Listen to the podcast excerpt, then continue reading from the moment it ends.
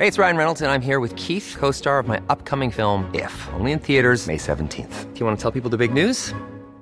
All right, I'll do it. Sign up now and you'll get unlimited for $15 a month in six months of Paramount Plus Essential Plan on us. Mintmobile.com slash switch. Upfront payment of $45 equivalent to $15 per month. Unlimited over 40 gigabytes per month. Face lower speeds. Videos at 480p. Active Mint customers by 531.24 get six months of Paramount Plus Essential Plan. Auto renews after six months. Offer ends May 31st, 2024. Separate Paramount Plus registration required. Terms and conditions apply if rated PG. It's that time of the year. Your vacation is coming up. You can already hear the beach waves, feel the warm breeze, relax, and think about work. You really, really want it all to work out while you're away. Monday.com gives you and the team that peace of mind. When all work is on one platform and everyone's in sync, things just flow wherever you are. Tap the banner to go to Monday.com.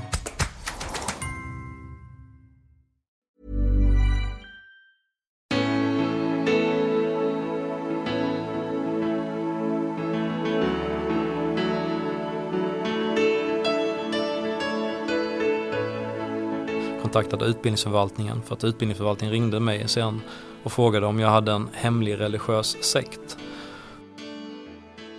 Garanterat, det är ju ingen tvivel om saken. Att, att, vi, att Sverige för att må bra så måste vi kunna matte. Att jag bad det här företaget som redan betalade skatt att de skulle ge pengar för att vi skulle lära barn matte. Då sa han att det var den dummaste jävla idé som han någonsin har hört.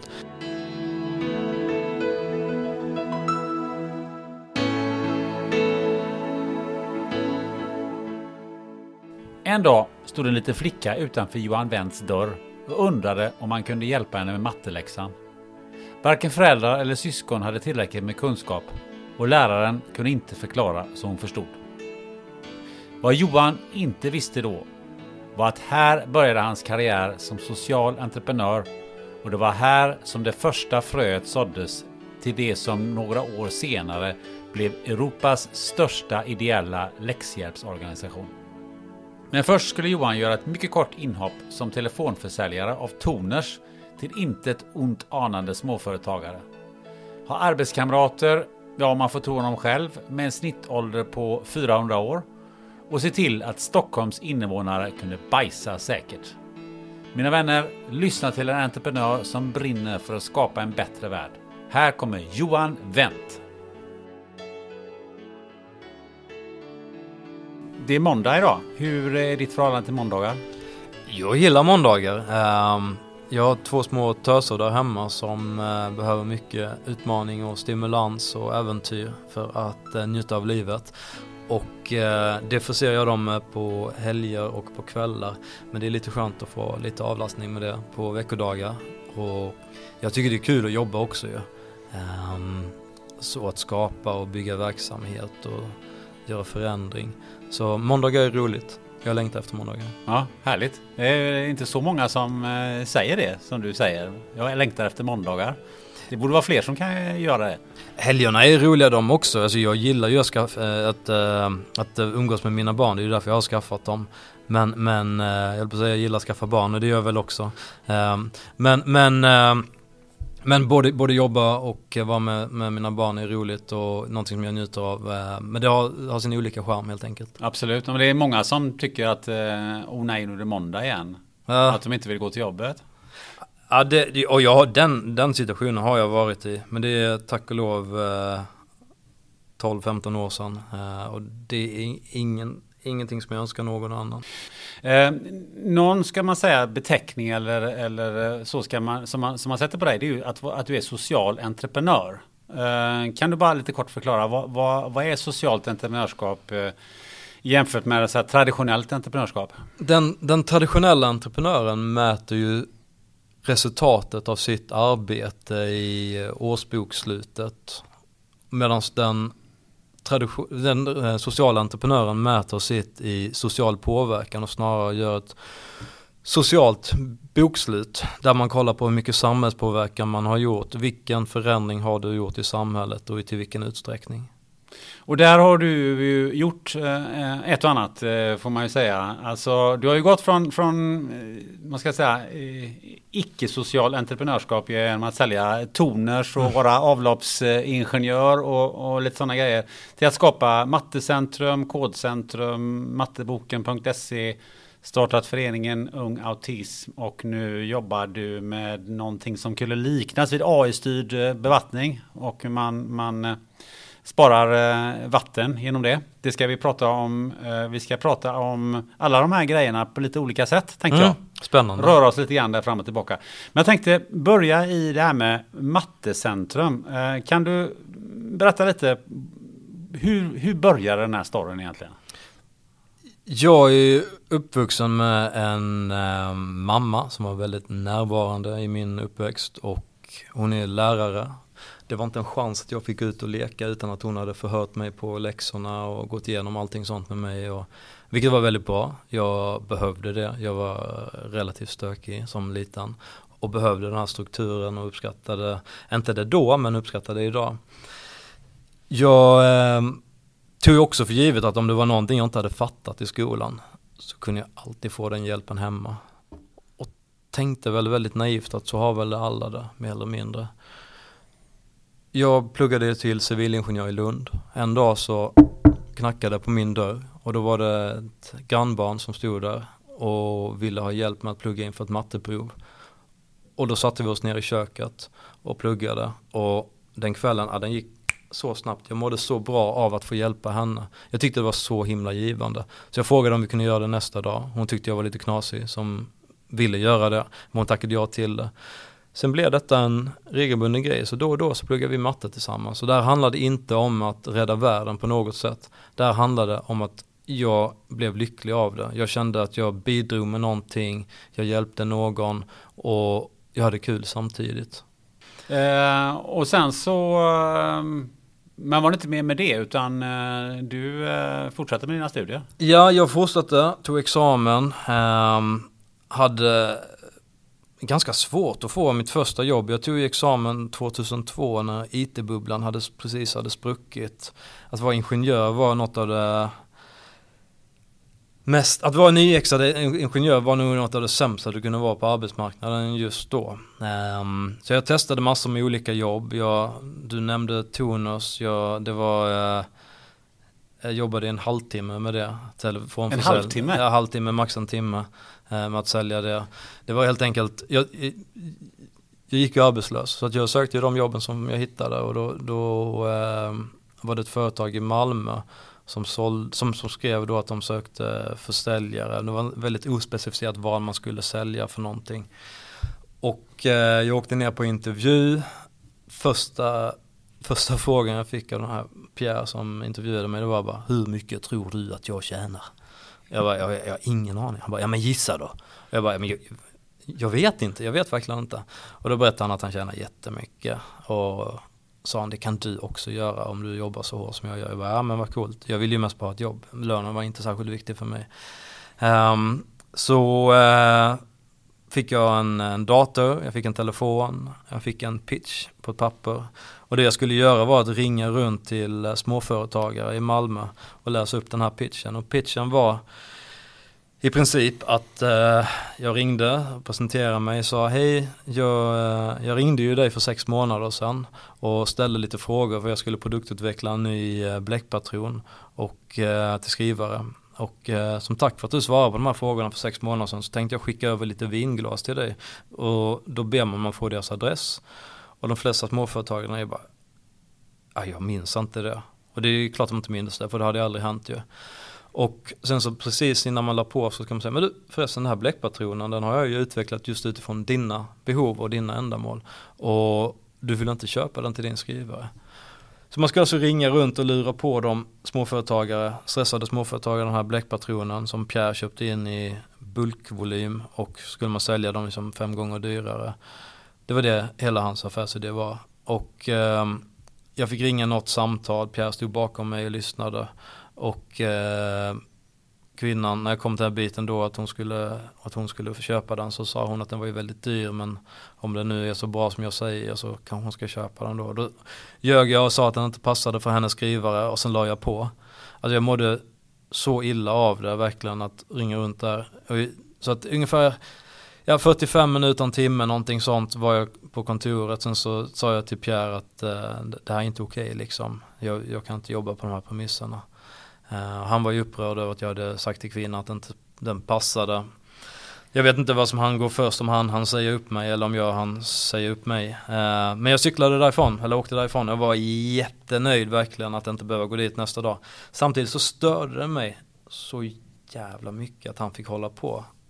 Um, jag har alltid haft väldigt mycket respekt för så här, hårt arbetande människor som startar egna bolag.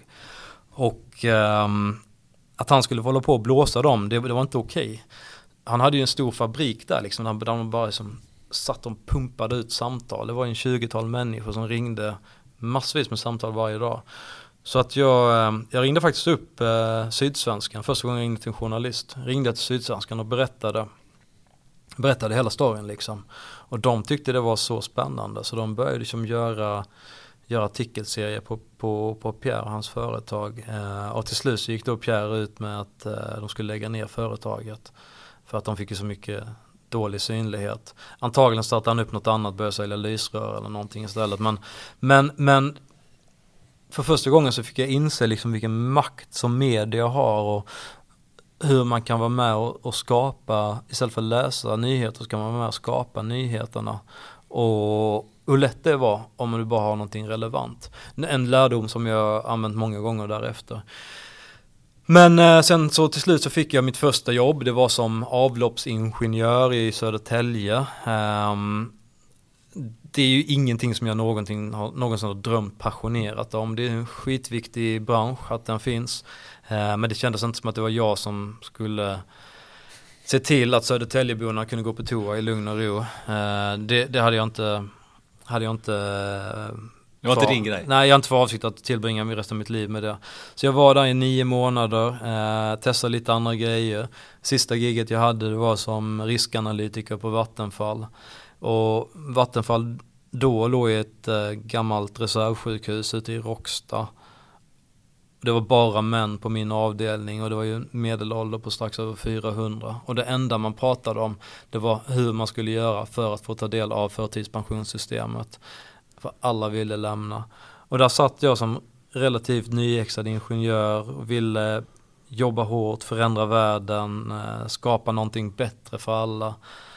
Och satt i den miljön. Alltså jag mådde så dåligt så det är inte sant. Alltså jag fick börja med antidepressiva för att klara ångesten. Då var inte måndagar en höjdare kan jag säga. Nej det låter ju inte så. Nej jag tyckte det var fruktansvärt jobbigt på söndagskvällen och veta att jag nästa dag skulle behöva åka dit. Och så ska det ju inte vara ju. Um, så jag satt där på min kammare i, på Vattenfall och funderade på vad jag hade gjort i mitt liv som hade betytt någonting, där jag hade varit lycklig. Och då landade jag i att när jag suttit med det här grannbarnet, då hade jag ju mått riktigt bra. Så jag bestämde mig för att göra samma sak fast i en mycket större skala. Jag sa upp mig, jag bildade en ideell förening som jag då döpte till Mattecentrum. Jag gick till fyra skolor i centrala Stockholm, frågade om jag fick låna ett klassrum av dem med avsikt då att ta dit barn och plugga matte gratis med dem. Jag tänkte på kvällarna är skolan stängd och då borde jag kunna få låna klassrummet rätt så enkelt. De tre första skolorna tackade nej. Um, I alla fall en av dem eller flera kontaktade utbildningsförvaltningen för att utbildningsförvaltningen ringde mig sen och frågade om jag hade en hemlig religiös sekt. Och det förklarar jag för utbildningsförvaltningen att om jag på allvar har en hemlig religiös sekt så um, kan man ju inte avslöja det för då är det inte hemlig längre. Så hela poängen med en hemlig sekt är ju att man håller den hemlig. Men de, tydligen så fanns det då, det har jag fått reda på ett par år senare, eh, tydligen så fanns det då faktiskt religiösa sekter som gav just läxhjälp i olika ämnen till barn och unga för att på så sätt locka dem närmare sekten. Men då trodde de att jag var en av dem. Och det var jag inte. Ehm, men till slut så hittade jag då en skola som lät mig låna ett klassrum på kvällarna, måndag, tisdag, onsdag, torsdag. Så gick jag ut i massvis med skolor och eh, sa till barn och unga då på raster och satte upp affischer och berättade då att det kommer se ut att jag skulle vara i det här klassrummet fyra dagar i veckan och hjälpte vem som helst på matte. Jag var, berättade att jag var grym på matte och ännu bättre på att förklara det. Eh, den skånska blygsamheten. Och så var det dags för premiären och jag var så nervös att det inte skulle komma dit någon och så blev det faktiskt eh, nästan. Det kom dit en kille men jag kastade mig över honom och så pluggade han och jag matte hela kvällen. Och han var så nöjd med det så han kom faktiskt tillbaka dagen därpå. Men då hade han med sig sin bästa kompis och då hade jag två barn. Och dag efter dag efter dag så blev de här ungarna fler. Och ganska snart så behövde ju jag bli fler också. Så då gick jag ut på KTH, jag satte upp affischer och delade ut flyers. Jag fick ta några minuter i början av föreläsningar och berätta för ingenjörsstudenter att eh, de kunde hjälpa till som volontärer. Jag började kontakta företag och frågade om inte de ville skicka sina ingenjörer eller i alla fall kommunicera ut till sina ingenjörer att eh, de kunde vara med som volontärer. Ganska snabbt sprang jag på ett företag som hette Accenture som hade många ingenjörer anställda. De kommunicerar då ut till sina anställda att, att eh, den här föreningen finns, är det någon som vill vara ingenjör, eller förlåt, vill vara volontär och så vidare. Så efter ett tag så behövdes inte jag i de här klassrummen. Jag hade fyra, fem personer ställa upp varje kväll. Då åkte jag till Tensta istället, lånade ett klassrum där, blev inte misstänkliggjord för religiös sekt faktiskt. Eh, skalade upp i Tensta, sen åkte jag till Gullmarsplan, gjorde samma sak där. Ganska snabbt så hade jag etablerat mig på ett par olika platser i Stockholm. Jag åkte till Västerås, till Uppsala, till Umeå, till Göteborg, till eh, Lund och så vidare. Och spred det runt om i landet. Um, och konceptet var väldigt enkelt. Jag hittade eh, klassrum som jag fick låna gratis. Jag hittade volontärer som eh, ställde upp som ställde, eller förlåt, jag hittade unga människor som ställde upp som volontärer. Inte bara unga, äldre också. Eh, och eh, använde mycket lokalmedia och ringde och pitchade in att eh, Mattecentrum skulle starta. Jag älskar de här liksom, olika kurirerna och dagbladen som finns i alla småstäder. För att de behöver, ju, de behöver nyheter, det händer inte så mycket i de här orterna. Så att om det då dyker upp någon som vill lära de här barnen i deras stad och matte, då får man jättefina rubriker på det. Så det enda, som, det enda som var viktigt det var ju att få den här plattformen med ett klassrum, några första barn, några första volontärer. Om man bara fick det och sen så hade man då liksom både SVT, TV4, lokal-TV som kom och några lokaltidningar som kom nästa veckan därpå då hade du ju en uppsjö av människor som ville vara volontär och jättemånga elever och så vidare och då var det uppe och snurra. Så jag hade hittat, hittat ett sätt, en koncept, ett koncept som jag kunde skala upp väldigt snabbt med ganska lite handpåläggning och vi åkte till, åkte man till Umeå var det en vecka så plötsligt sen hade man då en, en fin fungerande verksamhet där. Så jag åkte, turnerade runt och startade upp detta på en massa olika ställen i Sverige. Då funderar man ju på ett antal saker. Första jag funderar på liksom är hur, hur, hur fick du upp finansiering på det? För menar, i början så kan du inte haft speciellt mycket sponsorpengar och, liksom, och du måste ju själv överleva någonstans. För det, det, det kostar ju ändå att leva. Ja, jo men det hur, gör hur fick det du ihop det? Nej, det fick jag inte ihop. Um, så att jag, uh, jag hade ju ett, ett jobb som jag hade väldigt mycket bara för att få uh, mat på bordet helt enkelt. Okay. Betala hyran. Vad var det? Um, det, det, var en, um, en del av Unionen som heter uh, Ingenjörssamfundet. De organiserade Unionens ingenjörer. Och um, då hade de en uppfinnartävling som hette Finup. Där jag då var projektledare. En uppfinnartävling för barn. Så det var en, mm, en projektanställning för den här uppfinnartävlingen. Jättefan, jättefin och viktig eh, roll också där. Ehm, men det var ju, jag ville ju verkligen driva Mattecentrum. Så där jobbar jag på dagar och på morgnar och kvällar och helger och ibland tog jag ledigt också för att jobba med, det, med Mattecentrum. Så jag, gjorde jag det parallellt. För något som jag också tycker är fascinerande är liksom, du säger så här, men då åkte jag till Tensta och så startade jag det där och sen så åkte jag till nästa skola och så startade jag det där. Men det måste ju ändå vara, du måste ju ändå konceptualisera det på något eh, sätt. För annars man lämnar ju inte bara över det till ett gäng volontärer. Så nu får ni eh, sköta det här. Så det känns ju som att du har ju eh, gjort någon sorts franchise-organisation. Ja. Fast inte franchise i, i ja, dess ekonomiska klart. bemärkelse. Alltså, ja. hur, hur gick det till? Ja men det är klart jag förenklar det nu. Uh, men men det, det var helt enkelt att skapa en modell. Och den modellen var ju inte satt i sten från början utan den har ju fått växa fram. Eh, bara en sån sak som jag, jag utgick från att alla människor skulle fatta hur man beter sig mot barn och så vidare. Men ganska snabbt så fick jag ju skriva, ta fram volontärsavtal där de fick skriva på att de skulle följa vissa förhållningsregler och så vidare. Och vissa volontärer har ju blivit avstängda.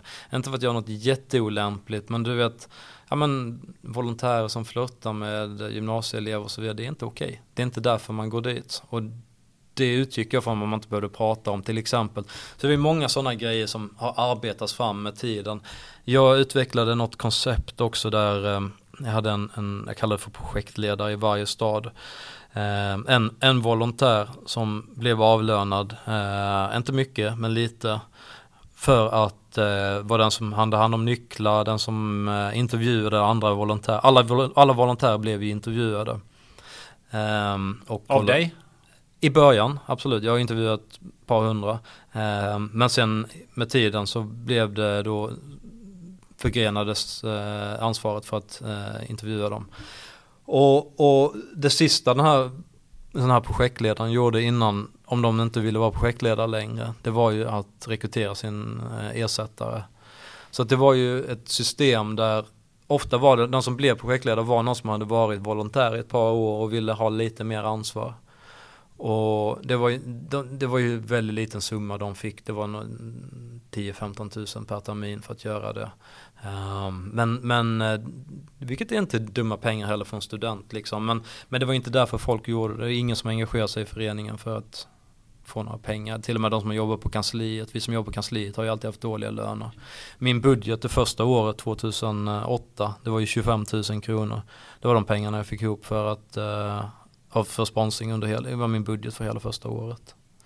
För det jag tänker på också, det är hur snabbt skalade du upp det? Det lät ju väldigt snabbt sådär att du gick, gick du till Tensta och mm. sen så, så att, så att hur, det måste ha gått rätt fort? Jo men det gjorde det. Alltså verksamheten växte, mer än dubblerades för varje år. Eh, men det gjorde ekonomin också. Eh, andra året så omsatte vi 660 000 tredje året 1,8 miljoner, fjärde året 3,36. Så det, det, gick snabbt. Sista året som jag drev verksamheten så omsatte det runt 10 miljoner. Men då hade vi också eh, över en halv miljon barn som varje månad fick gratis läxhjälp i Sverige och en halv miljon barn, eller 400 000 i Danmark som fick gratis läxhjälp. Någonting som jag snabbt reflekterar över det är ju att um, det finns ju många bolag idag som är helt andra verksamheter som som också pratar om att de ska skala upp ganska mm. snabbt. Vad, vad, tycker du att eh, du med, med ledning av det du gjorde och det du har lärt dig det, där, vad, vad tycker du, vad skulle du vilja förmedla till, till bolag som vill skala upp i, i helt andra branscher eller eh, i, i, i, nya grejer? Det kan ju vara inom kanske miljö eller vad det nu är, för man har kommit på någon, nya, någon ny uppfinning eller något sånt där, men vill skala upp. Ja, nej men att, att man måste ju, man måste ju avgränsa eh, hela sitt, sitt case till någonting som är replicerbart. Någonting som eh, du kan ta, sätta i en ny miljö och sen så ska det växa organiskt där. Det får inte vara för avancerat. Det får inte kräva för mycket handpåläggning. Utan det ska, det ska kunna lämnas över till någon annan också som eh, ska kunna driva det vidare. Men det måste ju skapa någon sorts förtroende för ett visst antal människor för att de ska göra det vidare. Alltså det, för det måste ja. ju bygga på väldigt mycket förtroende. Hur lyckades du med det? Men, men, men det, jag har aldrig begärt mer av någon annan än vad jag själv har stoppat in. Jag frågade andra människor om de ville vara volontärer. Um, och då, var, ställde de upp och var volontär en gång i veckan. Själv var jag volontär fyra kvällar i veckan. Jag har alltid ställt mig i främsta ledet när, eh, i föreningen när, det ska, när vi behöver kämpas och jobbas och så vidare. Och när eh, vi har haft många, haft mörka stunder också. En, en, av, de här, en av de mest älskade, uppskattade projektledarna eh, valde att avsluta sitt liv eh, en gång i tiden. Och då, då, den, då ställde jag in allting, jag åkte dit och träffade alla volontärer och pratade med dem, se till så att alla elever fick träffa kurator och präster och så vidare jag, jag, jag har inte satt mig själv på någon annan nivå än vad jag har begärt av någon annan. Eh, eller och så vidare. Jag, jag, jag, jag försöker leva som jag lär. Och då, och, men sen också så här, alla de som har varit med i Mattecentrum och hjälpt till. Och det har, de har ju varit väldigt många för att jag har, ju, jag har ju inte varit långt ifrån ensam. Men det är inte så att de har villkorslöst gjort en tjänst heller. De har haft skitkul på resan. Det är det det har handlat Det har ju handlat väldigt mycket om att skapa, skapa möten mellan barn och äldre där de får ett utbyte. Vi pratar väldigt mycket om, vi kallar det för mattecentrum-effekten, det vill säga att du vet, ens hus, husdjur kan ha dött, ens partner kan ha dumpat det, man kan ha värsta skitdagen. Och så kommer man dit och så sitter det ett gäng barn där som är så glada att just du kommer dit. Och sen så har man så roligt med dem, hjälper dem, utmanar dem, man, man skrattar, man är glad. Det var väldigt, det var, det var alltid en kul stämning i klassrummet. Och så går man dit två timmar senare och man är 10 kilo lättare. Allt det här som var så jobbigt innan, det är som bortblåst verkligen. Och det, det, är ju det som jättemånga upplevde av våra volontärer, att det var kul att gå dit. Att villkorslöst få hjälpa någon utan att förvänta sig någonting tillbaka, det är ofta väldigt givande. Och det, det, det är det som har gjort eh, att det har fungerat. Att och att, vi, att det är därför vi har kunnat ställa så mycket krav också på våra volontärer. På de man anställer i ett företag och så vidare kan man ställa krav på för att man, man betalar helt enkelt en ersättning och då förväntar vi oss att du ska göra det här. Här så gav vi volontärerna en möjlighet att få vara med. Och istället, i gengäld då så kunde vi då kräva deras lojalitet och att de skulle bete sig på ett visst sätt och så vidare. Där kan man ju dra en slutsats av att eh, du får en större lojalitet om du får människor att göra någonting som de tycker är så roligt så att mm. de är 10 kilo lättare när de, går, när de går hem från jobbet, om vi nu kallar det så, ja. än att du betalar dem en fet lön.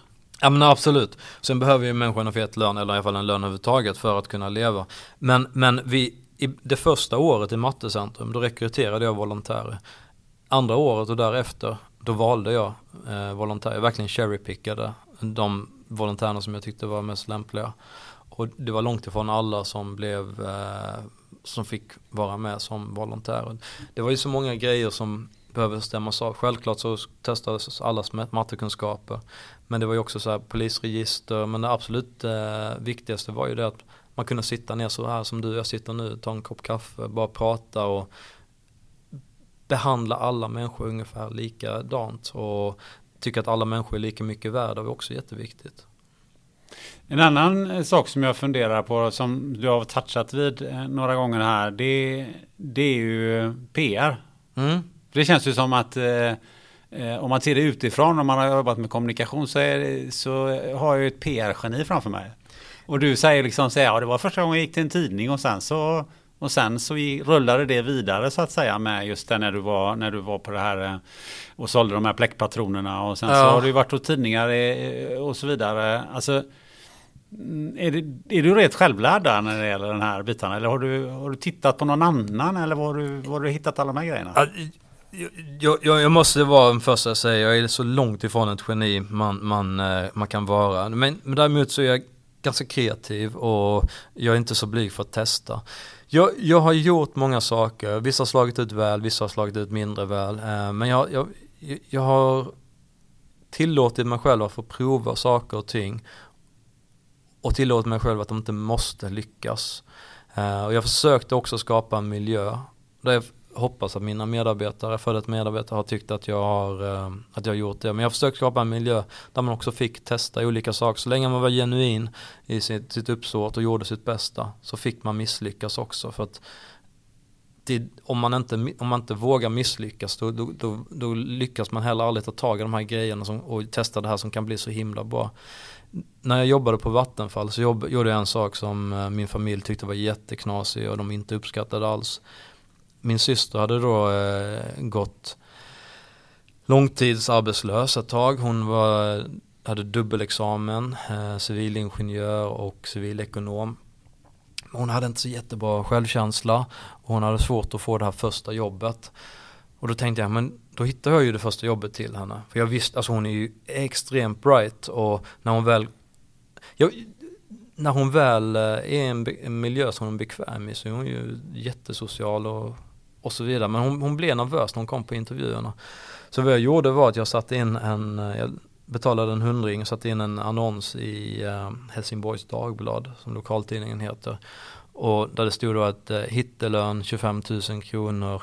Ehm, den som hittat jobb, eller erbjudit jobb till min vän som har den här, den här utbildningen får hittelönen, skicka jobberbjudandet till den här e-postadressen. Problemet var att eh, på den tiden så hade jag inte de 25 000 kronorna så att jag ehm, jag ringde till Aftonbladet och till Dagens Industri och Expressen och så vidare och, och sa bara hej hej jag läste här i lokaltidningen i Helsingborgs Dagblad att eh, det var en liten rolig notis här om någon som tänkte, tänkte kanske någonting som ni ville skriva om. Så, och detta var ju innan, innan sociala medier och så vidare. Så, så tipsade jag de i olika tidningarna om det och ganska snabbt den här e-postadressen som jag skrivit i, eh, i annonsen, då började den ju få massor med förfrågningar från olika journalister som ville göra intervjuer. Och då gav jag intervjuer och berättade om varför jag satte in annonsen och svårt det var för min syster, eller jag sa ju aldrig att det var min syster men min vän kallade jag det för. Um, och eh, efter ett tag så började ju trilla in rätt mycket jobberbjudanden och den här annonsen blev ju viral innan sociala medier. Um, och de allra flesta ville inte, ville inte ha den här eh, hittelönen utan ville bara anställa den här personen och hade kanske inte ens möjlighet att ta emot den för de jobbar på företaget, vill anställa sitt, det att de själva jobbar på. Um, och då gav jag ju alla jobberbjudanden, jag ringde till min syster och så sa jag, har du läst om det här? Hon bara, ja det är helt sjukt, det låter precis som jag. Jag bara, ja men det här är faktiskt du. Uh, och det tog några sekunder, sen la hon på. Uh, och jag fattade inte riktigt varför, vad som hade hänt, men det var ju spiken i kistan för hennes självkänsla.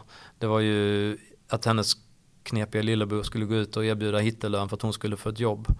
Det, hon, hon, hon såg det så, jag hann aldrig riktigt förklara hur, hur jag hade tänkt. Men, men återigen så förstod jag ju liksom hur jag kunde använda media för att få min vilja igenom. Och när jag skulle bygga varumärket Mattecentrum så har jag använt media otroligt mycket. Vi har ju fått ut så många artiklar och tv-inslag och radioinslag och så vidare om verksamheten. Och det, vi har ju inte betalt för marknadsföring utan jag har ju fått jag har fått mycket gratis. Volontärerna ställde upp ideellt, lånade klassrum gratis. Vi, marknadsföringen har varit mellan, från både traditionell och social media. Och det är ju så, i, när jag startade Mattecentrum så fick vi ju väldigt mycket medieuppmärksamhet på vår blotta existens. Här är ett gäng människor som vill hjälpa barn med matten. Nice, det skriver vi om. Men problemen är ju Gunnar att om du eller jag då klättrar upp och räddar en katt i ett träd idag så blir vi veckans hjälte i Aftonbladet och skriver de om oss. Gör vi det nästa vecka också? Det är ju ingen som vill höra om det för att Gunnar är ju den killen, han är ju katträddaren. Det är ju inte konstigt att du, det gjorde du förra veckan också. Det är ingen nyhet.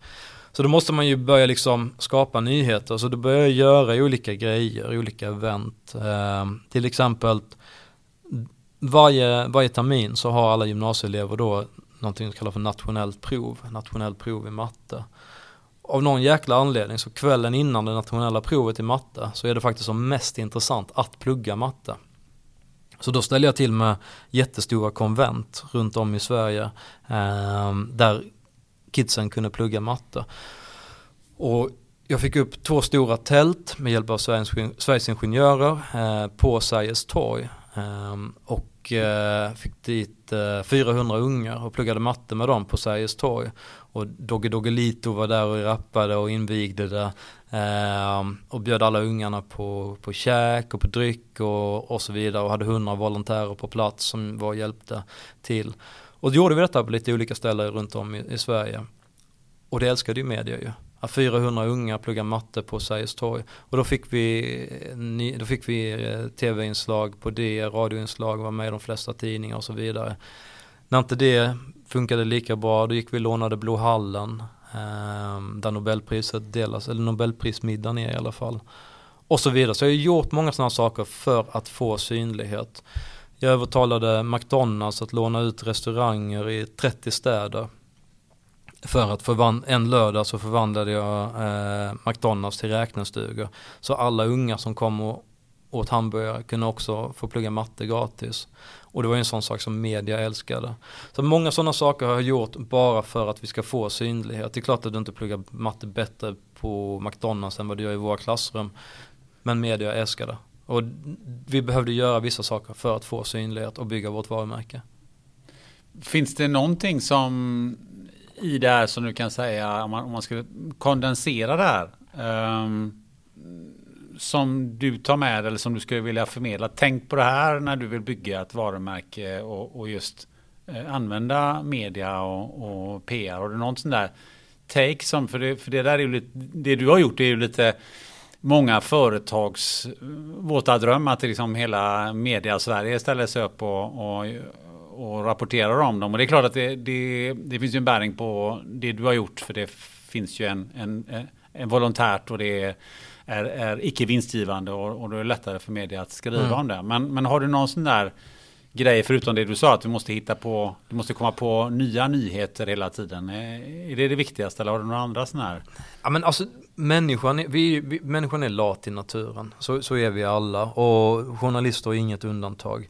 Så att det är klart att journalist, för det första, det måste finnas ett nyhetsvärde i det. Alltså om det inte finns ett nyhetsvärde i det, om ingen är intresserad av att höra om det, då, då kan de inte skriva om det. Så du får ju ställa till med någonting som det finns ett nyhetsvärde i. Men också så här en sån enkel grej som att se till att pressmeddelandet går att använda, se till att det finns bra citat i det, som de, alltså skriv texten till dem och så, så, att, så att pressmeddelandet går lätt att få in i en artikel och så vidare. Men, men ja, tänk, tänk ett par varv till, så om du sätter in i rollen som journalist, vad skulle du vilja få för pressmeddelanden, vilken nyhet skulle du vilja få, få höra och så vidare.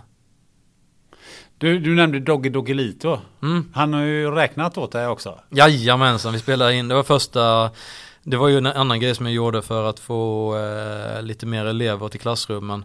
Att olika kända personer har fått spela in eh, mattetal. Vissa, vissa väldigt pedagogiskt, typ Christer Fuglesang var väldigt pedagogisk. Eh, och vissa var väldigt underhållande. Eh, Dogge Doggelito då, hans, hans klipp kan man ju man kan ju mindre matte efter att man har sett den vad man kan innan. Men det, det var väldigt roligt och det har ju setts... Eh... Men han förklarar Pythagoras? Pythagor. Pythagoras sats, ja. ja. Fast han, han lyckas aldrig uttala det så gör han någon grej av det. Han uttalade, när kameran var avstängd så kunde han uttala det fantastiskt bra. Men eh, när kameran var på så hade han väldigt svårt att uttala det av någon anledning. Nej men han är ju, Dogge är ju härlig. Eh, så att han räknar Pythagoras sats ja. Och det klippet har ju setts eh, ett par hundratusen gånger. Och vi fick ju massvis med synlighet för det.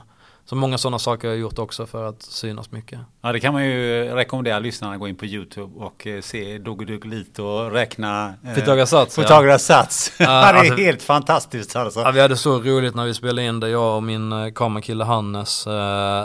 Jag, jag, var inte helt säker på att vi skulle kunna använda det. och när Hannes skickade över klippet till mig så jag bara, det här kommer aldrig Dogge godkänna. Så skickade Dogge, han, bara, han skrev till mig, shit, jag ser ut som ett geni. Och ja, det, det, kan man diskutera. Men eh, han var nöjd över det så att eh, det har vi delat. Ja. Och Mattecentrum blev Europas största läxhjälpsorganisation. Ja. Och det är det fortfarande eller? Ja, det ja. utgår jag ifrån. Jag, jag lämnade hela verksamheten eh, under 2015 eh, och planerade mitt uttåg då för att jag eh, min ena dotter blev diagnostiserad med eh, autism och det finns inget, all habilitering för barn med autism förväntas göras av föräldrar. Um, så att jag eh, tog en time-out från min yrkesliv och fokuserade på att uh, habilitera, hennes habilitering helt enkelt. Jag försörjde mig, uh, för det har du redan frågat vad jag gör när, hur jag försörjer mig när jag inte jobbar. Men det, jag, jag, skrev lite böcker och jag gjorde en hel del föreläsningar som jag kunde leva på. Men uh, lejonparten av min tid la jag på, på hennes habilitering. Vi ska ta en sväng in på, på det om en stund. Men jag tänkte, var inte riktigt färdig med Mattecentrum än. Eh, mm. hur, många, hur många i Sverige eh, av ungdomar mellan, vad kan det vara, 6 och 19 eller något sånt där. Eh, hur många är det som passerar Mattecentrum någon gång? Ungefär 50% av alla kids. 50%? Ja, hälften. och det är väldigt varierande i vilken utsträckning. Mattecentrum ger ju hjälp till barnen på två olika sätt. Det ena är via klassrummet. Jag tror det är en 120-130 tillfällen i veckan när man kan komma då och plugga matte på olika ställen i landet. Ehm, eller så är det via nätet. För att jag började spela in en jäkla massa mattevideos också. spelade in över tusen videolektioner där jag förklarade matte och löste mattetal och så vidare. Så skrev jag teori, gjorde övningsuppgifter, byggde ett forum där man kunde ställa frågor och rekryterade volontären till forumet. Eh, och byggde upp en plattform som jag kallar för matte, matteboken.se där eh, ja, barn och unga skulle då, de som inte kunde komma till klassrummet kunde gå in där och plugga. Och den sajten verkligen exploderade ju. Eh, där fick jag mycket hjälp. Där vill jag cred till en kille som heter Thomas som hjälpte mig väldigt mycket med att eh, att gå in, gå in på andra forum och så vidare och tipsa om den här sajten och sådana grejer. Vi, vi kämpade mycket för att bygga upp trafiken där till den. Um, så där har vi den stora bulken av barn och unga som, som får eh, hjälp via föreningen är ju digitalt.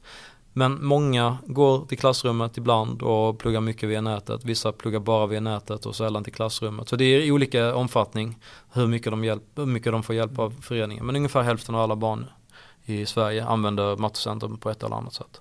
Du, eh, när jag gick i, eh, i högstadiet, eh, så, vilket är typ 100 år sedan, eller mm. på dinosauriernas tid, men ehm, då hade jag nog behövt Mattecentrum.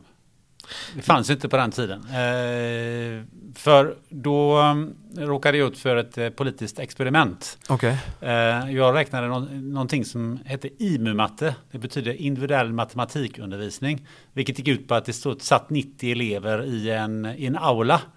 Och så gick det runt lärare där som skulle visa eleverna och hjälpa dem. Och i övrigt så skulle man klara sig själv. Okay. Eh, och så skulle man göra lite diagnostiska prov. Så satt det någon dam där uppe på, på scen som delade ut hörlurar. Och så skulle man göra de där proven för att man skulle få öppna nästa kapitel i, eh, i matteboken. Är det så? Ja, och då kan man ju säga så här att om man är, eh, går, går i sjuan och är typ 13-14 år. Ja eh, så är man ju det finns ju bra mycket mer andra grejer att intressera sig för när man sitter i en aula än just matematik. Särskilt om det sitter lite tjejer runt omkring. Ja. Eh, så att eh, jag hade ju väldigt bra betyg i matte ända tills jag kom till högstadiet. Och sen kraschade det fullständigt. Och efter det så kan jag säga att jag inte är jätteintresserad av matte och är inte speciellt duktig på det heller. Um, med den lilla anekdoten så skulle jag vilja återkoppla till allt det som du har berättat här. Och så blir jag fundersam på för att eh, hur kan det komma sig att ni lyckas så väl? Um, men det, det, allting byggde ju på frivillighet. Eleverna kom frivilligt och volontärerna var frivilliga. Och det här frivilliga mötet, det, det var väldigt härligt. Vi hade kul där. Och jag kommer ihåg en incident som var i, i Eskilstuna, så var det en eh, incident på räknestugan så hade det kommit, eh, och det var ju på kvällen då, så kom det dit en lärare och som gick in och skällde ut tre elever. Och när volontärerna då frågade vad är det som står på? Det visade sig att de här tre eleverna hade då skolkat från den här lärarens mattelektion. Men valt att på kvällen gå till mattecentrum och plugga matte. Och då blir läraren väldigt arg över det. Och det jag snarare då tycker att läraren borde fundera på är vad är det som Mattecentrum gör annorlunda. För uppenbarligen så var, ville de här ungdomarna lära sig matematik. Men de, de fick inte ut det från honom. Um, jag kan inte sätta fingret på vad vi gjorde annorlunda. Men det, allting byggde på frivillighet. Det, det, är många som eh, har försökt kategorisera de eleverna som kommer till oss att de ska vara mattenördar som älskar matte och du vet som brinner passionerat för matte. Till hela vägen till att det är de svaga som in, svagaste som inte kan matte, som inte förstår det och som behöver hjälp. Vi hade ju hela registret. Från de barnen som inte fick stimulans i skolan för att matematiken var på alldeles för låg nivå. Till de barnen som hade halkat efter jättemycket och fick och behövde stöd. Men det som vi genomgående var övertygade om och som var liksom ett mantra i föreningen, det var ju att alla kunde lära sig. Alla kan inte lära sig spela fotboll som Zlatan, men alla kan eh, lära sig spela fotboll. Vad det handlar är ju om att få uppmuntran, att få stöd och så vidare och att kämpa. Jag menar Zlatan blir inte bara på fotboll genom att sitta hemma och spela tv-spel och käka chips utan han har ju tränat och tränat och tränat. På samma sätt så, kan, så visste vi att alla barn och unga kunde lära sig matte om de bara fick möjlighet att träna. Men hur kommer det sig att man faktiskt frivilligt gick dit? Vad var, vad var drivkraften hos barnen då? För de, de blir inte vägskickade eller liksom att nu måste du gå dit eller, eller de letar sig dit själva. Jag, hade, jag vet att vi hade unga som blev dittvingade av sina föräldrar. Vi hade fanns en, på franska skolan så fanns det en lärare som eh, hon blev så förbannad på sin klass en dag så hon sa nu går ni allihopa ikväll till mattecentrum och det gjorde hela klassen. Eh, så absolut att de kunde ha blivit dittvingade också men de allra flesta kom dit frivilligt. Ehm, Matematik kan ju vara väldigt det är få människor som är, som är helt neutrala till ämnet. Eh, det finns ett falsarium i samhället att de som är duktiga på matte, de blir också stämplade som intelligenta. Och det är ju, det är ju väldigt, väldigt orättvist eftersom det handlar så mycket om eh, hur mycket träning du har fått, hur mycket uppmuntran du har fått, hur mycket hjälp du har fått och så vidare. Um, och, och, men, men, men det är många barn som känner sig dumma eller okunniga för att de inte kunde det och det, det kunde vara att de, de kände sig tvingade att gå dit och kämpa därifrån. Vi har betygssystem i Sverige. Många, många, många gick till Mattecentrum för de ville ha lite bättre betyg och ville ha hjälp för att komma dit. Vi hade vissa elever som kom till klassrummet och så satt de i 90 minuter eller i två, två timmar och pluggade stenhårt. Ställde inte en fråga. De ville bara ha en lugnt ställe att vara på. Sen tackade de så mycket för att de fått vara där, gick därifrån. Så vi hade, vi hade verkligen hela registret. Eh, varför en person kom dit, det kunde vara hur många olika anledningar som helst. Du, um, varför skulle du säga att matte är viktigt? Jag skulle vilja säga att utbildning är viktigt. Något av det vackraste jag vet med Sverige, det är att vem som helst kan bli vad som helst eftersom utbildningssystemet är gratis. Problemet är att det är så fungerar det i teorin. I praktiken så är det så avgörande vilken familj man växte upp i. I din och min generation Gunnar så kan man kolla på hur många böcker som våra föräldrar hade i bokhyllan och därmed mer eller mindre avgöra vår akademiska framtid. Och det är någonting som inte är förenligt och försvarbart i en demokrati, att vi ska födas in i en roll. Jag tycker att alla förtjänar att få samma jävla chans i livet. Och sen så får man förvalta den chansen så bäst man kan. Men när vi inte får samma chans i livet, då är det någonting som eh, fallerar. Och det är, det var, matematiken, matematiken har en så central roll för att kan du inte matten, då kommer du inte klara fysiken, du kommer inte klara kemin, du kommer inte klara mekaniken och så vidare. Eh, matematiken är ett av de här eh, basala ämnena, skriva, läsa, räkna. Det är väldigt viktigt att kunna det. Jag, det är inte så att när jag har fem minuter över så sitter jag och räknar matte där hemma och njuter av det. Jag är, ingen, jag är inte passionerad över matematik på något sätt. Men jag såg att det fanns, jag tyck, jag, dels så tyckte jag det var roligt att få hjälpa barnen med matte. Dels så såg jag att det fanns ett väldigt stort bekymmer, be, ett bekymmer hos många att deras mattekunskaper inte var tillräckligt bra. Men eh, jag tänker om vi lyfter det här från själva individnivå till, till en samhällsnivå. Mm.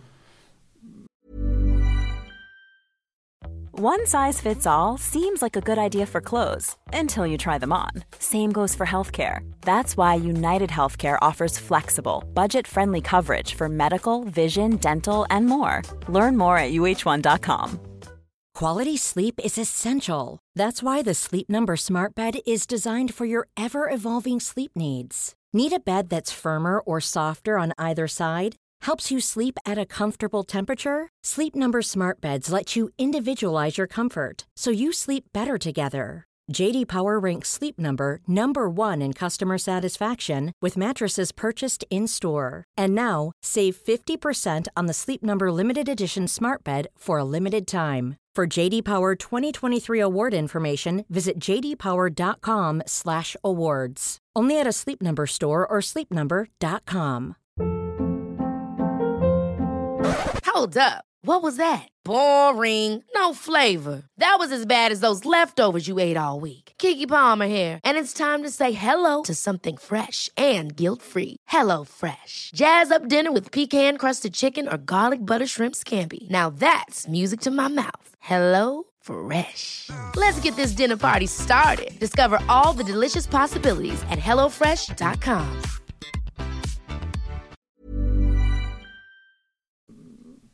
och säger så att vi blir ett samhälle som blir sämre och sämre på matte i relation till andra länder eller samhällen. Och så är det ju. Ja. Ja. Vad, vad, vart leder det? Vilka problem eh, kommer det att, att, att leda till? Skulle du vilja säga? Ja men det är ju bara att titta på vilka det är som har velat vara med och finansiera verksamheten som jag har drivit. Det är ju många stora teknikbolag, NCC, ABB och så vidare. Till och med arbetsgivarorganisationen Teknikföretagen har ju varit med och, sp- och sponsrat verksamheten i många år.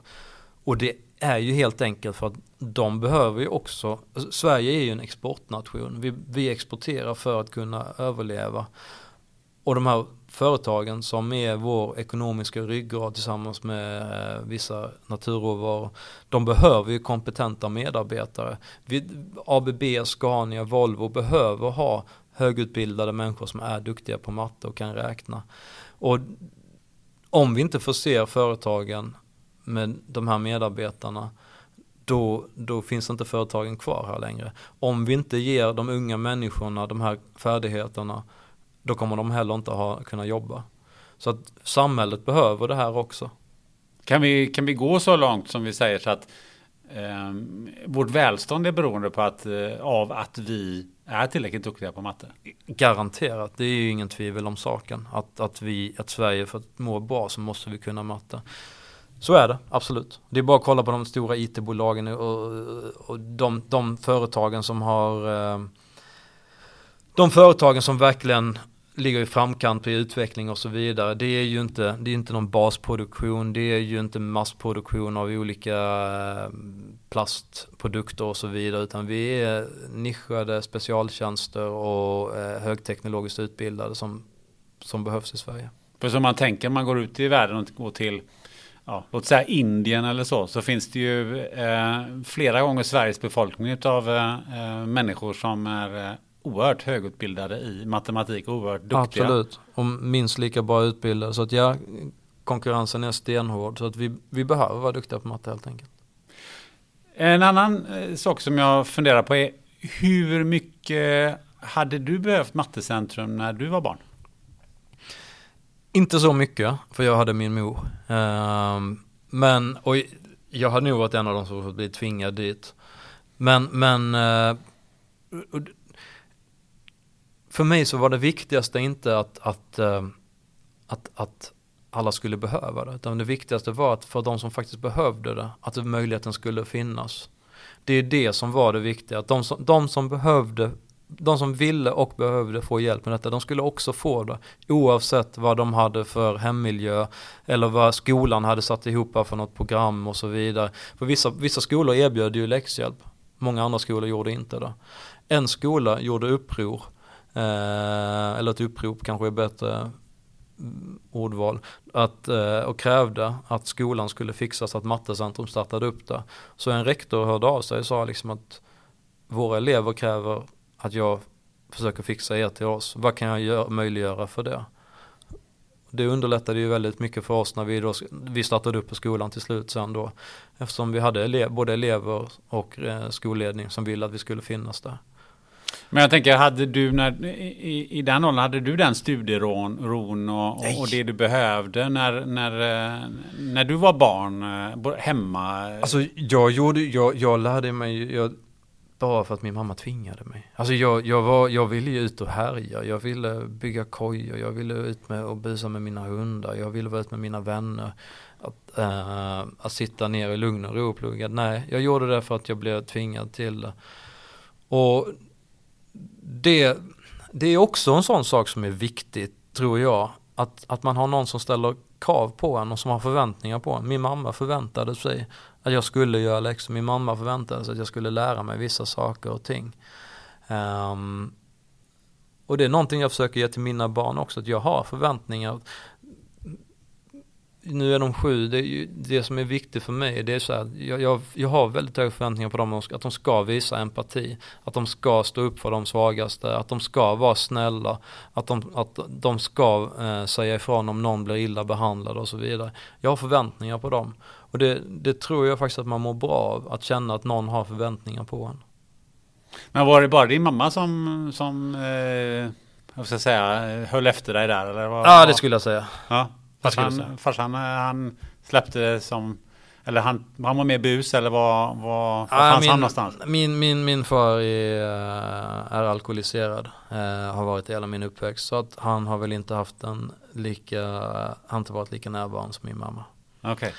Och det är ju en, en sjukdom som han har brottats med hela livet och eh, ja, den drabbar ju inte bara en själv utan alla runt omkring en också. Nej, det är klart. Nej, det, det förstår jag. Men, ehm, eh, och det är klart, det, det måste vara många eh, barn som du har stött på i, i, på, i de här mattecentrum också som hade den typen av, av förhållanden hemma kanske. Ja, det är ingenting som vi, man, ingen som eh, någon valde att prata, prata öppet med mig om. Men, men många av de här ungarna som kom och eh, bara ville ha en lugn ställe att sitta på, kan man misstänka inte hade en lugn stund här hemma. Utan de fick gå till oss för att få det. Men du sa det här med, med eh, empati och, och bryr sig och, och mm, vilka dina, dina barn eh, ska bli. Du måste ju ha fått med dig det eh, hemifrån och sen verkar du ha fått med dig en, en entreprenöriell ådra också på något sätt. Nej, alltså den entreprenöriella ådran har jag absolut inte fått hemifrån. Jag, jag, jag fostrades både av skola, av min familj, av samhället till att bli en arbetstagare. Det, någon så här ungt företagsamhet och så vidare fanns ju inte en chans. Det fanns på den skånska landsbygden när jag var liten. Det var ingenting som vi utmanades av. Att jag skulle, jag fick alltid höra att man skaffar sig en bra utbildning och sen får man ett jobb. Man får ett jobb att man, att man skapar sig ett jobb eller att anställa sig själv, det var ingenting som diskuterades. Det var inget alternativ när jag var liten. Jag har ett par generationer tillbaka så har jag väldigt framgångsrika entreprenörer i, i släkten. Familjen Wendt eh, skapade, startade något som heter Perstorp AB i, i Skåne. Och folk som är födda på 40 och 50-talet, de vet vad Perstorp Plast är och Perstorp Etika och Perstorp Plattan och så vidare. Men eh, ingenting som de flesta vet idag. Men, men Jag eh, vet vad det är. Du vet vad det är? Ja. Nej men alltså min, min, min entreprenör förebild, entreprenöriella förebild är väl i så fall min mormor. Hon var svincool tant när hon levde. Hon eh, fick tre barn. Hennes eh, make, min morfar, stack med älskarinnan, lämnade mormor själv. Mormor växte upp tokfattigt eh, men har kämpat och jobbat hårt varje dag i sitt liv. Hon hade, eh, under tiden som hon var ensamstående mamma så hade hon tre jobb parallellt. Hon städade på centralskolan, eh, svabbade golv, hon jobbade i bageri och bakade bullar. Och hon var sömmerska på kvällarna, satt hon hemma i källaren och sydde. Hon eh, odlade frukt i trädgården som hon sålde. Hon, hon, hon var en hustler, hon jobbade jättehårt hela livet. Och alla hennes tre barn eh, skaffade en eh, högre utbildning vilket var jätteviktigt för henne. Det hade hon aldrig fått chansen till att göra. Så att är det någon som jag haft som förebild så är det definitivt hon. Och, eh, ja. Men finns det inte lite en entreprenör i en om man liksom som du sa, man vill ut och busa, man vill ut och bygga kojor.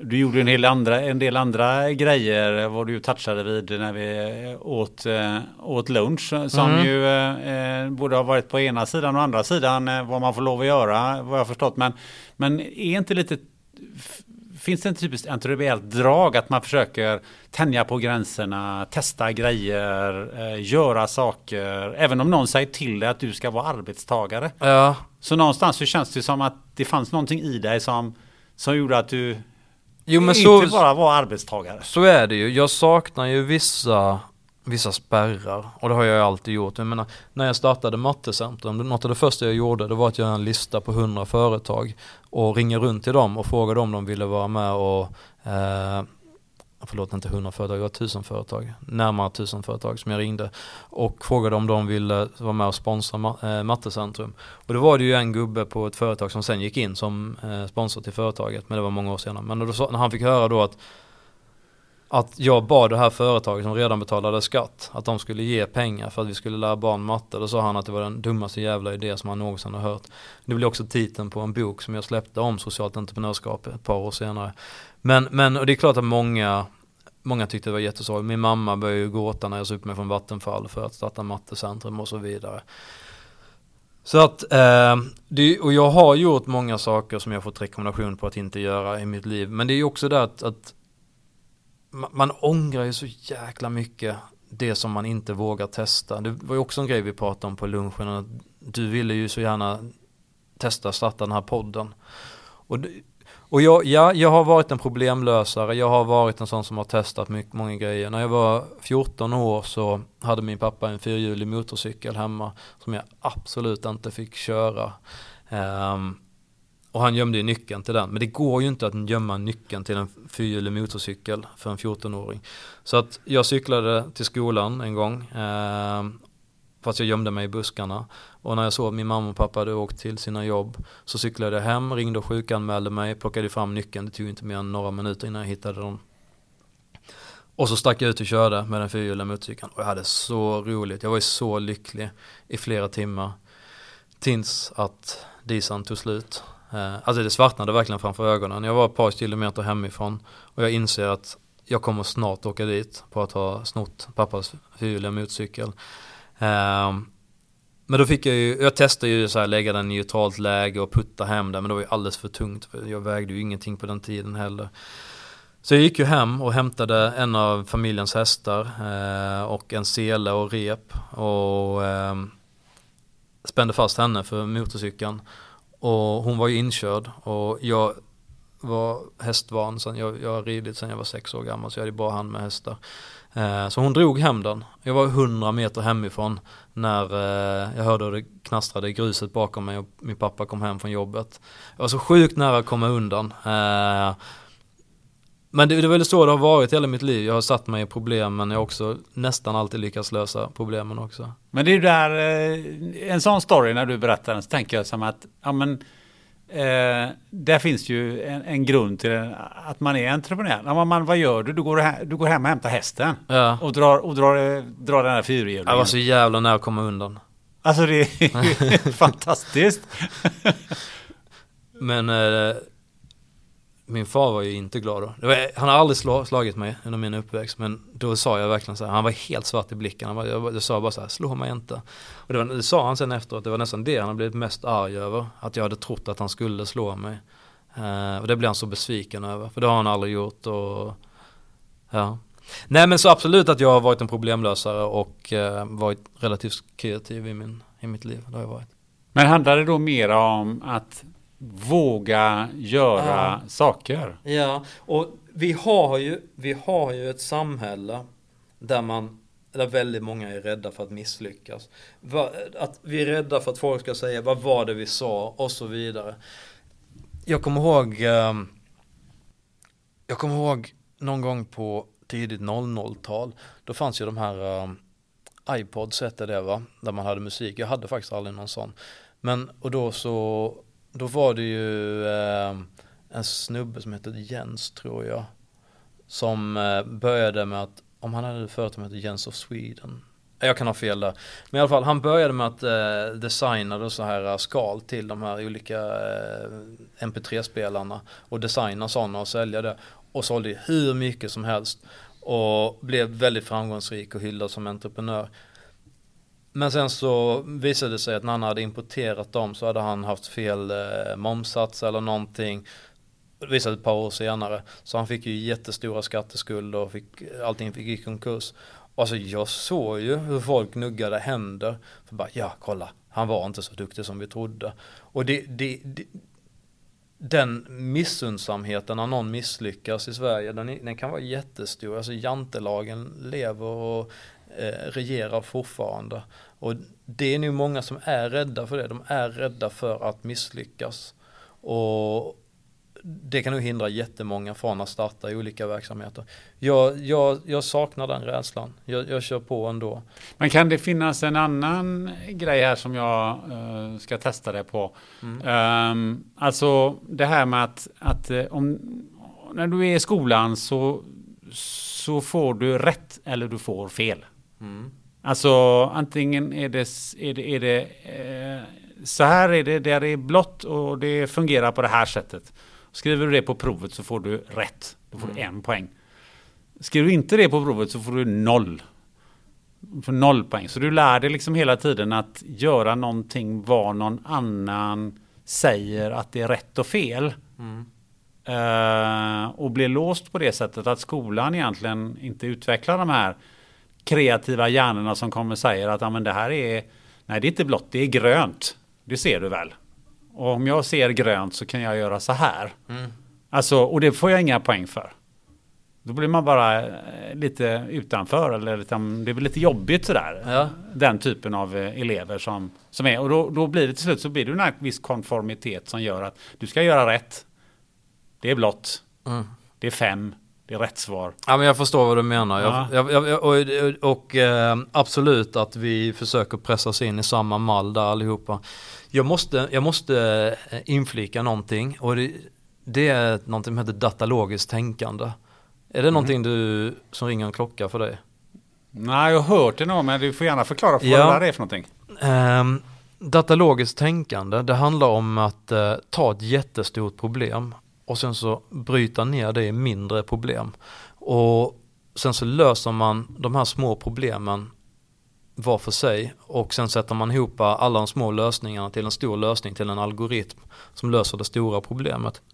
Det är en problemlösningsteknik som är väldigt vanlig bland några av de främsta eh, kodarna som vi har i världen. Bonniers, eh, Bonnier-förlagen har en, eh, har en eh, barnboksförlag som heter Bonnier Carlsen och de, de eh, hörde av sig till mig för, kan det ha varit en sju, sju år sedan, någonting sånt. Och sa, frågade om jag ville börja skriva lite böcker för dem. Och då frågade jag vad, är det för böcker jag ska skriva? Ja men någonting om programmering. Och, och då sa jag, vad, vad, vad, vad ska det vara en lärobok eller ska det vara en faktabok eller vad, vad vill ni? Ja det får vara, det, det får ni det får du fundera på lite själv. Så jag fick väldigt fria händer. Och då gick jag till en av mina närmsta polare Tor och sa till honom att fan, jag, jag har fått erbjudande att skriva en bok om programmering. Det känns ju jättekul. Men vad ska jag skriva om? Då var han så här, men alla, alla läromedel har ju skrivits redan och det kan ju inte du, alltså det är så här, de, de är, att du skulle skriva dem bättre det är osannolikt eftersom jag inte är någon programmerare i grunden. Um, men då började han prata om datalogiskt tänkande och då bestämde vi oss för att skriva en bokserie om en tös som heter Curly Bracket. Um, som är med på ett äventyr Eh, där hon då stöter på olika problem som hon löser just med datalogiskt tänkande. Och det är ju någonting som jag skulle vilja få in mycket mer i klassrummet där man också man utmanar barnen med mycket så här open-ended problems. Problem där det inte finns en självklar lösning utan det finns många lösningar på ett problem. Vissa är bättre, vissa är mindre effektiva men alla leder fram till, till problemets lösning. Um, jag vet att företag som Google använder det mycket när de anställer eh, sina, sin, sina medarbetare. Att de kan, de, de får olika utmaningar som de ska lösa utan, utan dator. Det kan vara så här, hur många golfbollar får det plats i en genomsnittlig skolbuss? Och sen så förväntas eh, den som ska då få jobbet att eh, uppskatta det eller räkna fram det eller komma fram, ja, men, estimera någonting som är så nära svar, svaret som möjligt.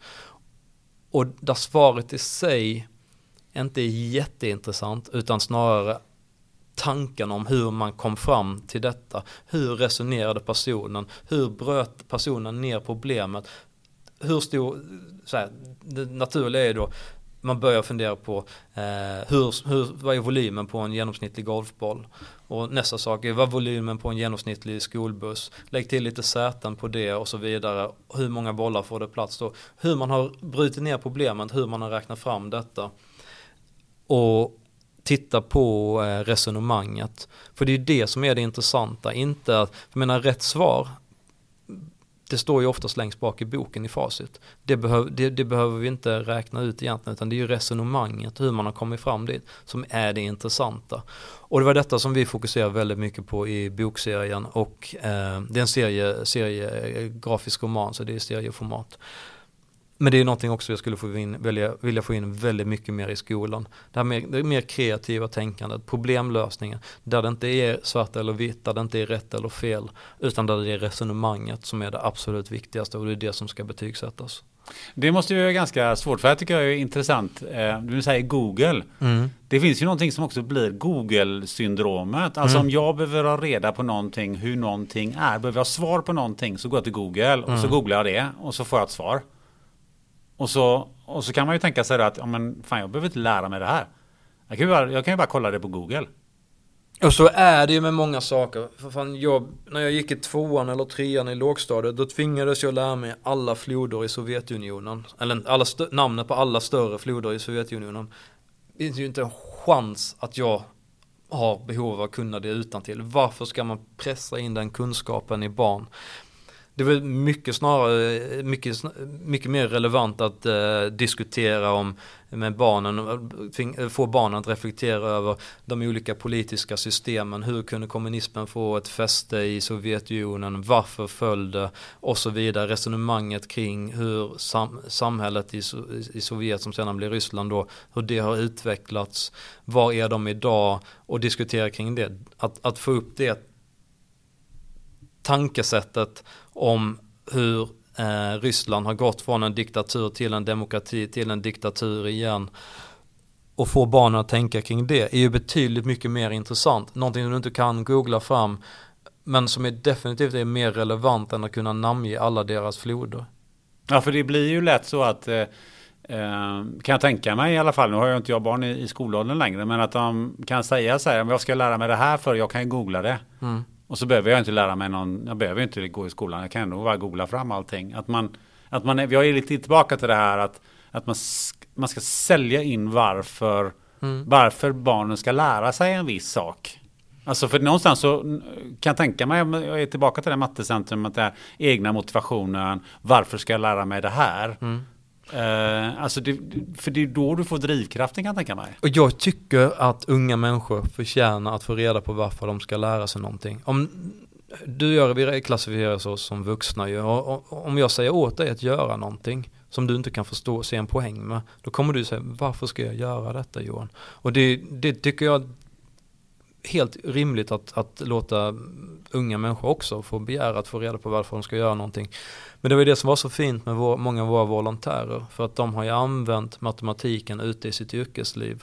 Och kunde ge exempel på när det skulle användas. Till exempel det här barnet som frågade mig vad man skulle ha derivata till.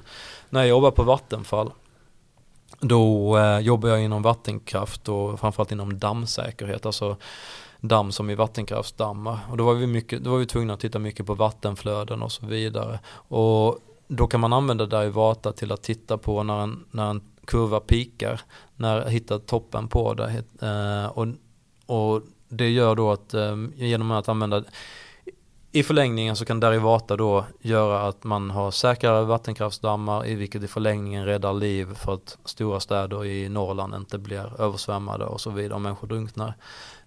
Och att då kunna förklara då till att derivatan faktiskt kan användas för att rädda liv. Jag bara, ja men fine, då, då behöver jag lära mig det. Då var det inget konstigt för den eleven som förstod att det fanns en poäng med att lära sig det. Men om man bara säger att ja du ska lära dig detta för att Jan Björklund som då på den tiden var utbildningsminister eh, Jan Björklund har sagt att detta ska ingå i matte C. Det är ju ingen förklaring för varför man ska lära sig någonting. Du, du nämnde förut, eh, du sa att du lämnade Mattecentrum 2015. Eh, mm. Ehm, eh, och eh, då har ehm, eh, tvillingdöttrar. Mm. Varav den ena dottern har ett autism eh, vad heter det? Autismdiagnos. Autismdiagnos. Eh, vilket eh, naturligtvis gjorde att, att du fick ett annat fokus. Mm. En fundering jag har är um, Finns det någonting i, i den resan som du gjorde med eh, Mattecentrum och, och, och, och, allt det här som du ehm, eh, fick med dig som du kunde säga att ja, men det hade jag ett tankesätt som jag har nytta av när jag, när jag ska då hjälpa min dotter. Var man än hamnar i livet så har man ju såklart erfarenheter i bagaget som kommer en till gagn. Ehm, jag hade ju till exempel, ja, men, som civilingenjör så, så civil, civilingenjörsutbildningen, där, som jag ser det väldigt förenklat, så lär man sig egentligen bara en sak. Och det är att ta, ta till, bli duktig på att ta till sig ny information. Um, och det är det man tränar civilingenjör på. Ta till sig ny information och lösa problem. Och det behövdes ju. Jag hade ju ingen kunskap på autism. Jag visste inte vad autism var för någonting. Jag hade sett på Rain Man och tänkte att det var det ungefär. Uh, vilket är så långt ifrån den vardagen som de flesta lever i med autismdiagnoser. Um, så ju, det första jag gjorde var ju att börja läsa på mig och nörda ner mig i, i ämnet. Um, jag började bygga upp ett nätverk. Jag började ringa runt till människor som var duktiga på ämnet och började bjuda dem på luncher och fråga om vi kunde ta en fika och bygga erfarenhet och jag har ju aldrig varit sen med så att, att kopiera andra människors framgångsrika metoder, så här copy with pride. Um, som Jan Stenbeck tror jag det var det som sa. Och, och, och kolla på liksom hur andra människor som har lyckats jobba med sina barn som har autism och lyckas med deras habilitering, hur har de gjort? Och försökte lära mig av det och göra likadant själv. Så att absolut att mina erfarenheter eh, och att jag tog med mig det in där. Um, och också det här att jag, jag har ju aldrig varit blyg för att ta upp luren och slå en signal och be om, också be om hjälp. Det har jag inte varit sen med heller. Eh, det tar ju väldigt mycket tid att göra de här eh, jobben och vara entreprenör och så vidare. Och sen, sen har du då två små barn hemma. Hur, hur får du ihop eh, vardagen där? Ja men livs, livspusslet det får man ju inte ihop i småbarnsåldern. Det får man ju inte. Eh, men, men man får hitta sina genvägar också. Till, till att börja med så eh, försöker göra saker som både jag och brudarna gillar. Vi gillar ju träning, vi gillar att vara fysiskt aktiva. Uh, jag valde gym efter vad som hade bäst barnpassning. Jag går på så här, det finns en kedja som heter Sats som har minisats som är helt fantastiskt bra. Och då kan jag gå och lämna tjejerna där så får de leka där medan jag går och gymmar och så vidare. Också lite entreprenörstänk att hitta, men vilken väg ska jag gå för att lösa? Ja men jag tror alla småbarnsföräldrar är, är, entreprenörer. är entreprenörer. Alla, alla framgångsrika småbarnsföräldrar. Alltså framgångsrika i sitt föräldraskap menar mm. jag då. Ja, men måste man vara.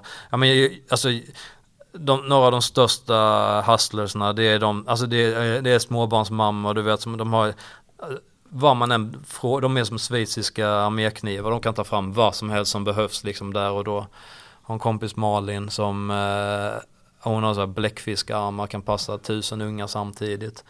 Det, man, man, får bli det helt enkelt om man ska vara en bra småbarnsförälder tror jag. Ja. Um, nu har du startat ett nytt bolag mm. som håller på med bevattning. Uh, som jag tänkte vi skulle hoppa in här innan vi avrundar. Lite mm. snabbt sådär. Uh, vad, vad, vad, vad, är det för någonting? Hur har du hamnat där? Ja men det är en lång, det är en lång historia. Men uh, när jag startade en gång i tiden en annan förening som heter Kodcentrum. Eh, och eh, Kodcentrum lärde barn programmering gratis. Och ett av eh, företagen, många företag som gick in och sponsrade Kodcentrum. Ett av företagen var Spotify, ett annat var ett företag som heter Informator. Informators vd lärde jag känna då och ja, men kom bra överens med honom. Så vi fortsatte ta lite luncher då och då. Och eh, för två och ett halvt år sedan så satt jag och lunchade med honom och så frågade han, ja men hur, hur, är det nu Johan? Och då berättade jag då det att min dotters habilitering hade gått eh, väldigt bra och att jag kände att allting var på banan där, att hon utvecklas jättefint och att jag kunde börja långsamt släppa på det nu då.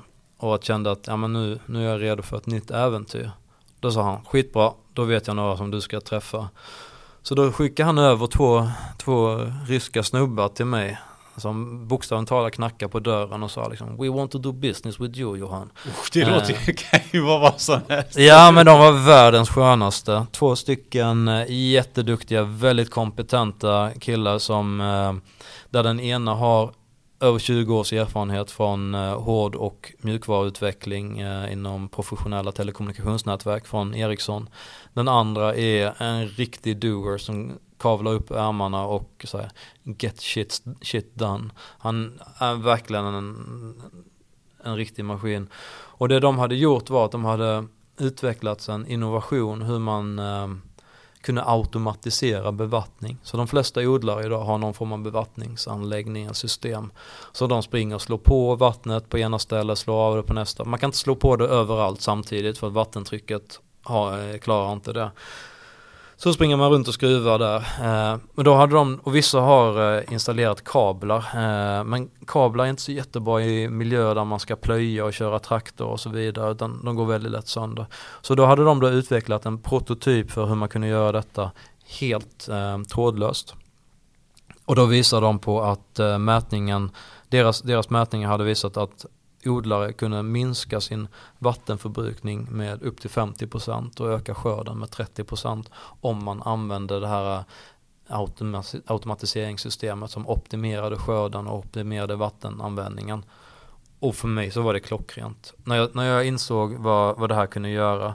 För det som är så viktigt för mig, det är inte bara att det är en bra idé, utan också att det finns någon någon form av samhällsförbättrande potential i det. Många frågar mig, hur kunde du gå från utbildning till agtech, agricultural technology? Eh, och för mig var steget jättekort, för jag såg att det fanns en samhällsförbättrande potential i båda två. Så jag kastade mig på det, hoppade på som medgrundare. Vi tre har byggt bolaget, tagit in pengar. Nu så har vi, eh, vi har sålt till sju länder. Ehm, på fyra kontinenter. Vi har fokuserat mestadels på Sverige. Men håller på att bygga ett återförsäljarnätverk i Europa just nu. Och har mitt under coronapandemin så lyckas vi få till produktionen ändå och har levererat ut till kunder denna säsongen. Så detta är första säsongen som vi faktiskt har sålt. Och det har gått riktigt bra verkligen. Och alla våra kunder nästan har eh, beställt expansion inför nästa säsong. Och alla kan visa på en ökad skörd och minskad vattenförbrukning genom att vi eh, jobbar mycket med sensorer och samlar in eh, data och analyserar den datan och systemet kan ta intelligenta beslut då baserat på den här datan. Där är du inne, apropå samhällsförbättring, där är du inne i miljö. Ja, precis. Nej, men vi, 70% av den globala vattenkonsumtionen Eh, begås av jordbruket och odlarna. Och det är här det mesta vattenslöseriet sker och de största besparingspotentialen finns. Att du och jag slår av vattnet mellan när vi borstar tänderna, det är inte där skon klämmer. Hushållen gör av med ungefär 10% av vattenförbrukningen. Industrin för 20%, övriga 70% står jordbruket för. Det är där vi måste jobba. Samtidigt så har vi växande befolkningar som behöver mat. Och vi vill ju självklart att människor ska äta frukt och grönt och bär och så vidare och äta nyttigt. Då måste vi också producera detta både hållbart, eh, ekologiskt men också ekonomiskt för, för eh, individerna. Um, det här är ju ett teknologiskt sätt att eh, så att säga hjälpa till att lösa eh, den här eh, stora miljöfrågorna som vi har framför oss och, och klimatförändringarna. Eh, Ehm, är du en anhängare som tror att det är så vi kommer att lösa den här, den här klimatkrisen genom att vi faktiskt ett har teknologiska förbättringar som dessutom både ekonomiska och teknologiska. För det är mm. lite det som du pratar om här. Du förbrukar ja. mindre vatten eh, och du får bättre skördar och du behöver betala mindre för vatten kostar pengar någonstans i slutändan. Eh, och så förbättrar du miljön. Mm. Det känns som att eh, det liksom här var tre vinnare. Ja, alltså vi har ju pratat om miljöförändring ganska länge. Men de allra människor, mesta människorna skiter ju i det. Och det är ju helt enkelt så att vi kan inte bara prata om det. Vi måste, det måste till andra yttre påtryckningar. Eh, och där kan ju högteknologi vara väldigt effektivt. De allra flesta vill ju göra rätt, men det måste också vara enkelt för dem och lönsamt för att göra det. det där, så här, jag tror inte lösningen ehm, på utsläpp från flygindustrin är att förbjuda flyg eller att säga till människor att skambelägga dem att ni ska inte flyga. Lägg istället fokus på att utveckla förnyelsebara drivmedel för flygplan. Snart kommer elflygplan och så vidare också. Och det är där lösningen är. Snarare än att skambelägga människor för att de flyger på semester. Nu har vi pratat väldigt mycket utbildning Ja. och några minuter om eh, miljö och, och eh, den här för miljöförbättring och eh, den här teknologiutvecklingen där. Ehm, jag tycker vi wrappar ihop det här, om man tittar lite i framtiden. Vad, vad tror du, om vi tar matte, Mm. vad, vad tror du vi står någonstans i Sverige om tio år? Har vi, har vi stängt gapet gentemot de här eh, Indien och de här länderna som håller på och, och dra ifrån oss? Kommer, kommer vi ha eh, jättemycket högutbildade eh, matematiskt duktiga människor i Sverige? Ja men det man har sett är ju, det var lite roligt för två år sedan eller någonting så gick det ut nyheter om att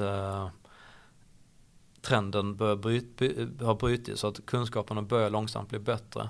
Och då gick eh, Gustav Fridolin som då var utbildningsminister, han gick ut och sa det är på grund av min fina politik och Jan Björklund gick ut och sa nej det är det inte alls för det är, det är förändringarna som kom när jag gjorde mitt. Det var ju ingen som reflekterade över att det fanns en ideell förening som hjälpte hundratusentals barn att plugga matte. Men oavsett vad så har vi ju sett att man kan bryta de här mönstren eh, genom många goda insatser. Och ehm, jag tror att vi, det här fallande kunskaperna i matematik, det är någonting som vi kan se bakom oss. Jag tror att vi kommer behöva eh, lära oss matte och jag tror att vi kommer lyckas med det också.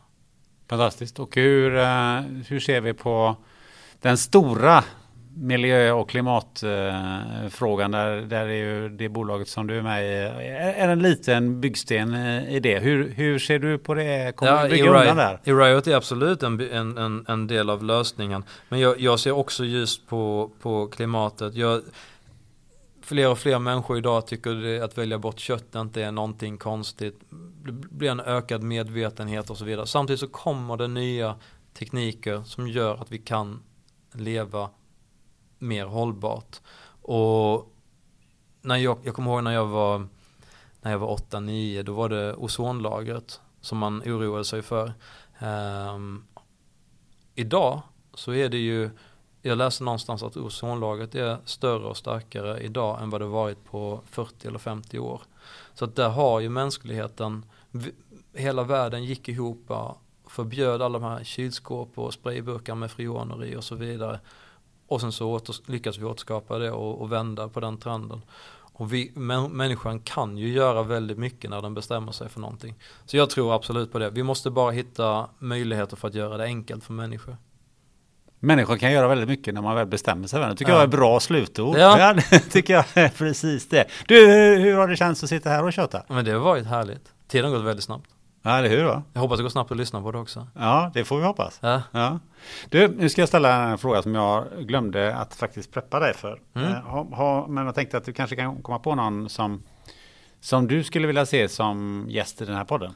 Amine Kakabave är mitt tips. Ehm, jag ber om ursäkt om uttalet skulle vara fel. Men Amine Kakabave eh, är en person som jag skulle tipsa om. Varför det? För jag vet ju vem hon är. Mm. Jag tycker att eh, jag tycker hon är väldigt modig. Hon vågade stå upp för det hon tror på i en miljö där alla försökte få henne att låta bli. Hon blir ju utkastad från Vänsterpartiet för att hon, hon stod upp mot eh, hedersförtryck och hederskulturen. Och det var inte populärt i Vänsterpartiet. Men hon stod upp för det ändå.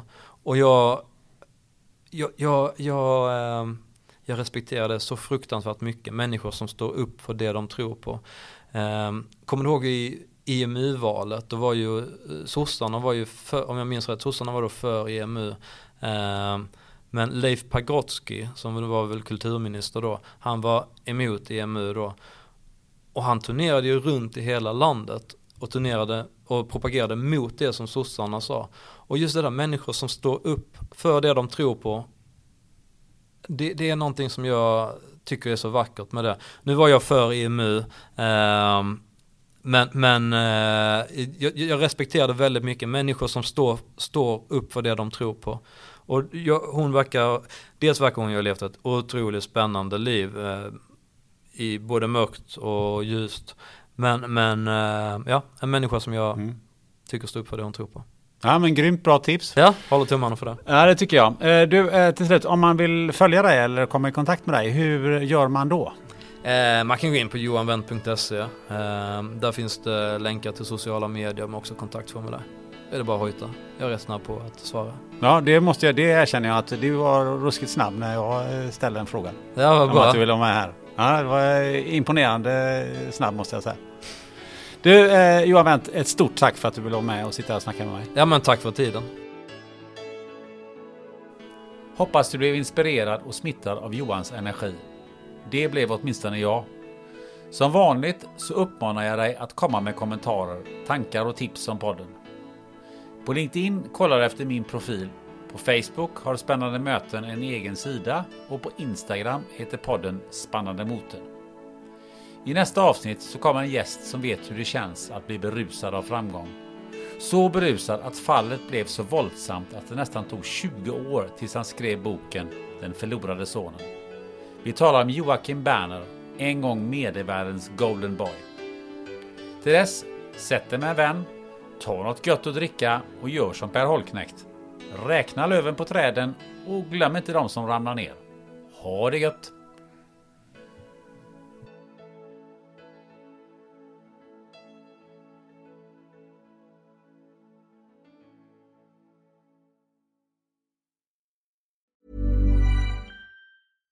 Hi, I'm Daniel, founder of Pretty Litter. Cats and cat owners deserve better than any old fashioned litter. That's why I teamed up with scientists and veterinarians to create Pretty Litter. Its innovative crystal formula has superior odor control and weighs up to 80% less than clay litter.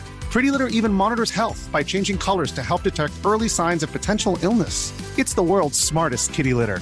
Go to prettylitter.com and use code ACAST for 20% off your first order and a free cat toy. Terms and conditions apply. See site for details. Hi, I'm Daniel, founder of Pretty Litter. Cats and cat owners deserve better than any old fashioned litter. That's why I teamed up with scientists and veterinarians to create Pretty Litter. Its innovative crystal formula has superior odor control and weighs up to 80% less than clay litter.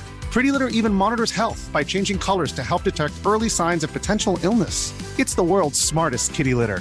Go to prettylitter.com and use code ACAST for 20% off your first order and a free cat toy. Terms and conditions apply. See site for details.